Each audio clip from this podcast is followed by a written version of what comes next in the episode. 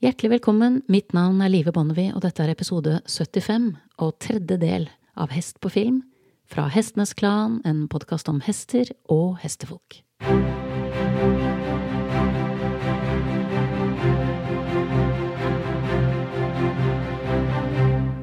Den episoden jeg egentlig hadde planlagt i dag, skulle være viet til norske hestefilmer.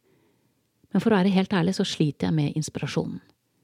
Vi har bare tre hestefilmer på norsk. Villhesten fra 1994, Trigger fra 2006 og Til siste hinder fra 2011. Det er ikke noe å si på intensjonene til folkene verken bak eller foran kamera på disse filmene. Og særlig de to nyeste har sine fine øyeblikk. Men dette er filmer som er fort glemt, og de minnes sånn sett om mange av hestebøkene jeg leste som lita jente. Den gangen var jeg desperat etter å lese bøker om hester, og jeg tok absolutt alt jeg fikk.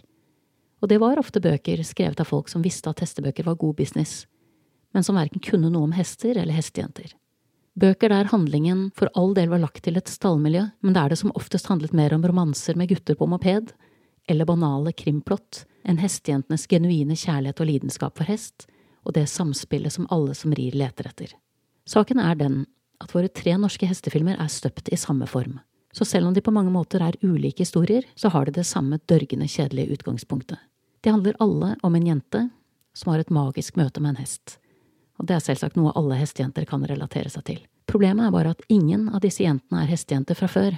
Tvert imot, de er typisk livredde for hest fra start, og bruker gjerne resten av filmen enten på å overkomme denne frykten, eller å bli trodd når de på ulike måter nærmer seg det magiske møtet, som et møte mellom en hest og et menneske kan være.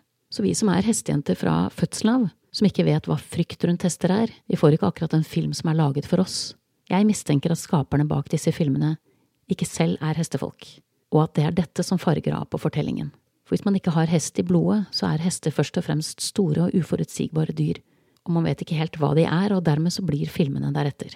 Dette er for all del filmer som glimtvis antyder hva det å tilbringe tid med hester er eller kan være, som jenter i strak galopp over grønne enger eller følsomme øyeblikk der jente og hest møtes, men det er dessverre langt igjen til en norsk hestefilm med stor H.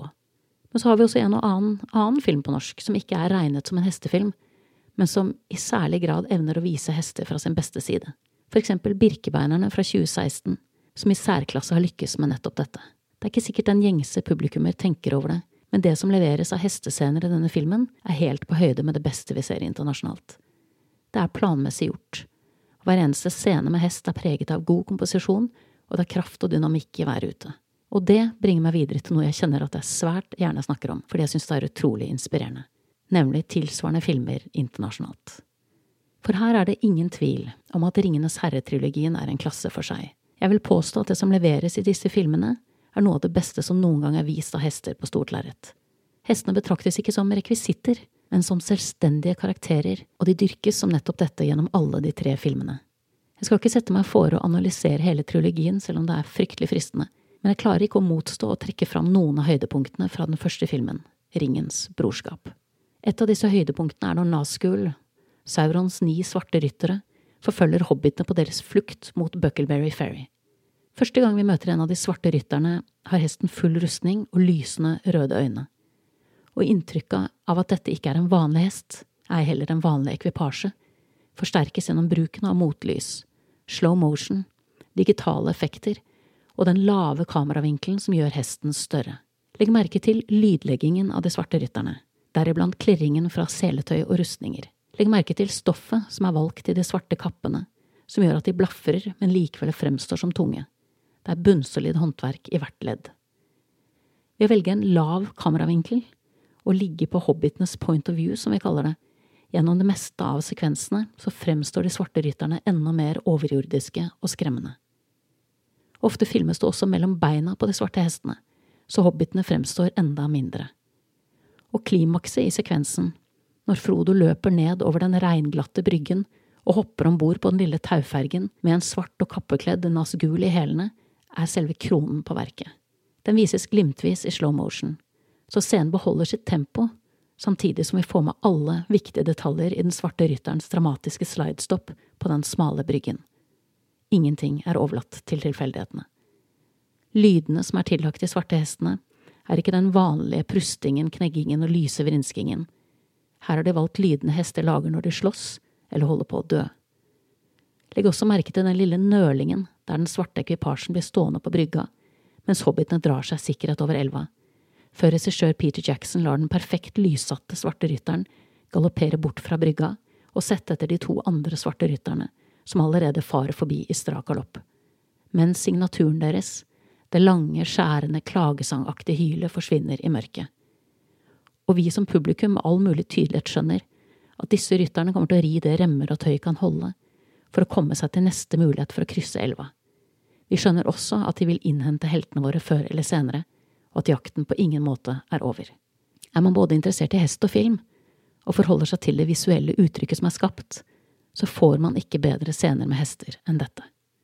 Det er også fristende å nevne en scene i motsatt ende av registeret, når arven kommer Frodo til unnsetting ridende på sin hvite hest Asfalot.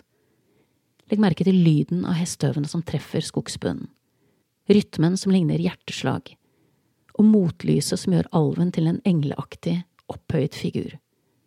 Lyden av mykt stoff og lette alveføtter som treffer skogsbunnen idet hun stiger av, står i slående kontrast til lydene vi forbinder med de ni svarte rytterne. Det er ingen tegn til klirring i metallisk seletøy her.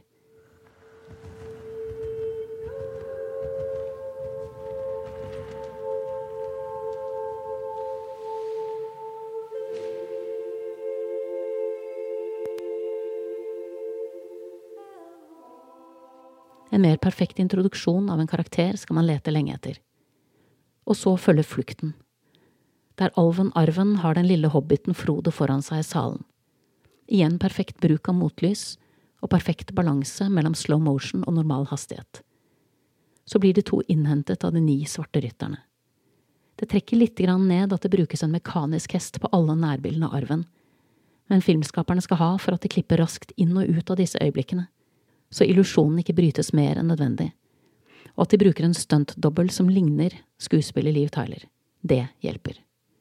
Det skal sies at de ni rytterne rir røft i alle scenene, og hestejenta i meg er jo ikke noe glad for det, men filmskaperen i meg elsker den visuelle effekten det gir når hestene sjangerer i høyt tempo, noe som skaper en unik kraft og dynamikk i bildet.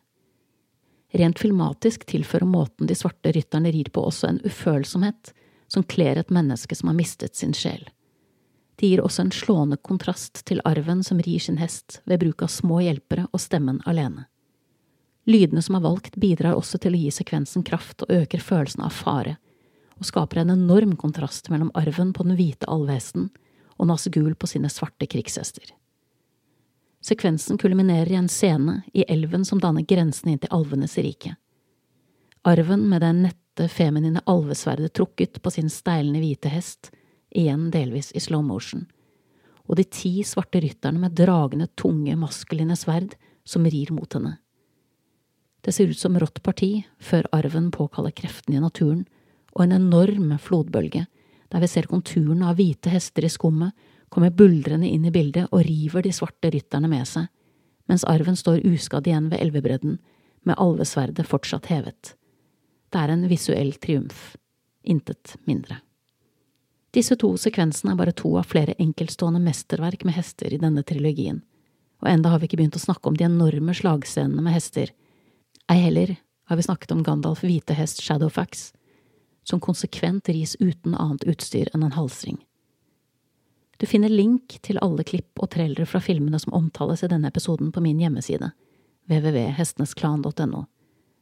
Der finner du også link til dokumentaren som jeg virkelig anbefaler, Home of the Horse Lords, som inngår som en del av ekstramaterialet som følger extended version fra Ringenes herre, og som viser hvordan hestene i filmene ble trent. I fjerde del i serien Hest på film får du, hvis alt går etter planen, møte Mathilde Brandt og Iver.